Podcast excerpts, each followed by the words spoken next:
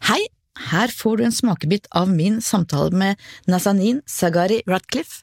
Hun har sittet seks år i fengsel i Iran, i det beryktede Evin-fengselet. Fire av de årene satt hun sammen med denne helgens fredsprisvinner, Narjes Mohammadi.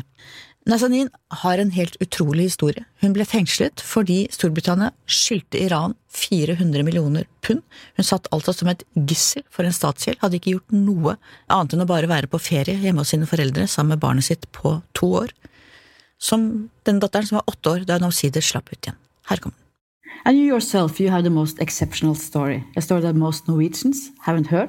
At the age of 37, you were arrested at the Tehran airport on your way home to London with your daughter, who was barely two years old at the time. Tell me what happened.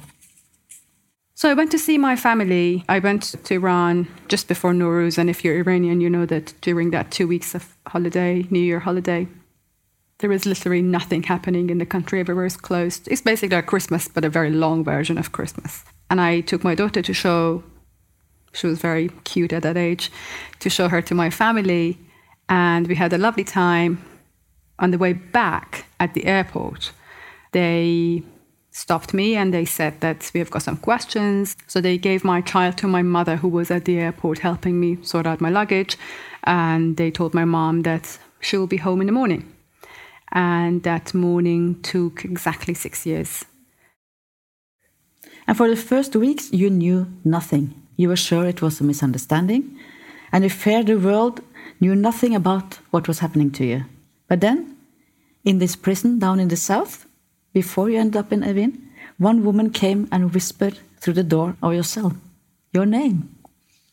What was that about? That's right. So someone knocked at the door. I was in the solitary confinement in Kerman, and Kerman prison is a huge, overcrowded prison with around 420 women at the time, and one solitary confinement with me in it. So someone knocked at the door and very quietly said, Are you Nazanin? And I was horrified, thinking, Oh my God, who is this woman? I don't know, maybe she's trying to put me in trouble. First couple of weeks, I had no idea what was going on. So I said, mm, why are you asking me this question? And then she said, because we have got a shortwave transmitted radio and it's illegal, so we're not meant to be talking about this. But your husband was on the radio last night in Radio Farda, and he mentioned that my wife is in Iran with in, in, in prison. She's been arrested, and she, we have got a small child. And the only person we have here in this prison is you, who um, has got a little child. But of course, we didn't know your name. And you live in London? We had no idea that you live in a different country. But of course, the idea that there is this peculiar woman in solitary confinement, we don't know her story. For people who have been in prison for years and years and years, so a newcomer coming to their life all of a sudden who is very mysterious. Um, initially, I felt she's bluffing, but then she was giving me very correct information. So my husband had been on radio, and I had a 22 months old child, and I was living in London. Um, so I kind of trusted her. But the fact that that moment of uplifting my spirit for like a moment that someone is telling me, someone that doesn't know me, is telling me that they have heard about my story through a radio, which is illegal in prison, is phenomenal. And to be frank, part of the reason that I am talking about my friends in Evin at the moment is because I think it gives them it's very easy when you're in prison to feel that you're forgotten. And no one knows your story and no one cares about you. That is the function of prison. They, they put you in prison to disconnect you from the outside world and to tell you that no one cares about you and you're, you're dead to the world and that's it. It's, it's only hope that this is not the truth and the truth will come out that will keep you going. Um, and i think there is a value in mentioning people's names and telling their stories because I, I often talk about how this might be um, something beyond your question, but I think it's, it's very important that I say that when people tell me how can we how can we help um, political prisoners in Iran, I, I tell them that it's a big ask to ask people that go and talk to your MP, write to your MP, and ask them to to to get in touch with um, you know with the government and you know you can't ask ordinary people to do that, but you can ask ordinary people to carry the story that they hear in places like this out. And even if they take one name with themselves and just go and Google that name and just tell their story to their friend, I think it's very valuable because it means a lot to the person who is in prison. And I think news will find its way to reach that person. So we don't worry about. But how is she going to know that we have actually said their name? It will somehow reach them. And I think there is a value in telling people the stories, remembering them, and sharing their stories. And uh, a lot of your friends Sorry. are still in Yes. prison. Uh, do you have any contact with them? Do you know how they are doing? Of course, it has been a long time. So many of them got released within the time that I was coming out. Many of them were released after. But I still have got some friends in Evin, and I'm in touch with their families. So through their families, I know how they're doing.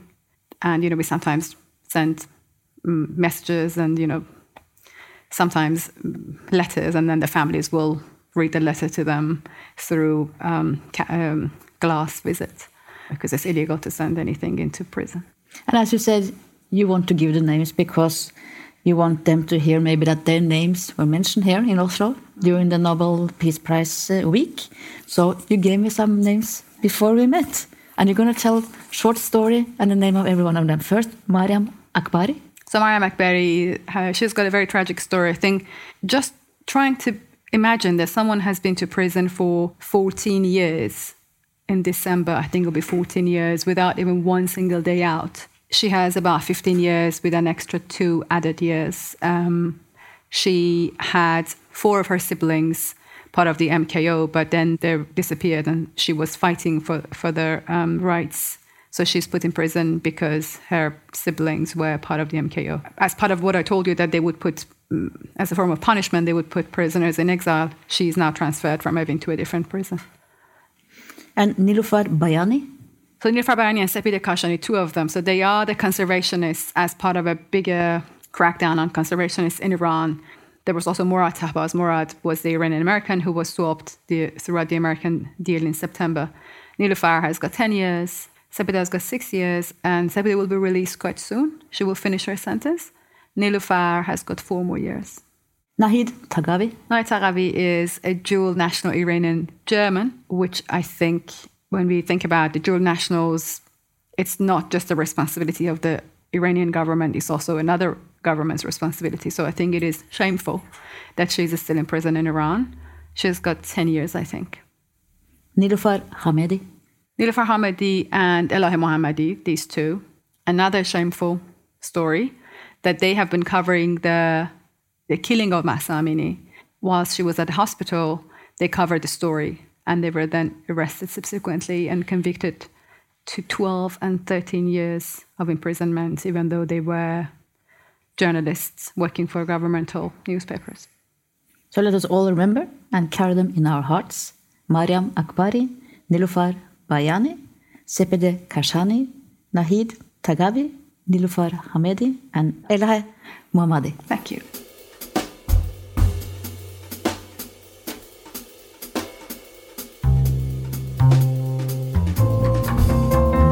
Her har du fått en smakebit av min samtale med Nazanin Sagari Ratcliffe. Hele episoden får du på Podme.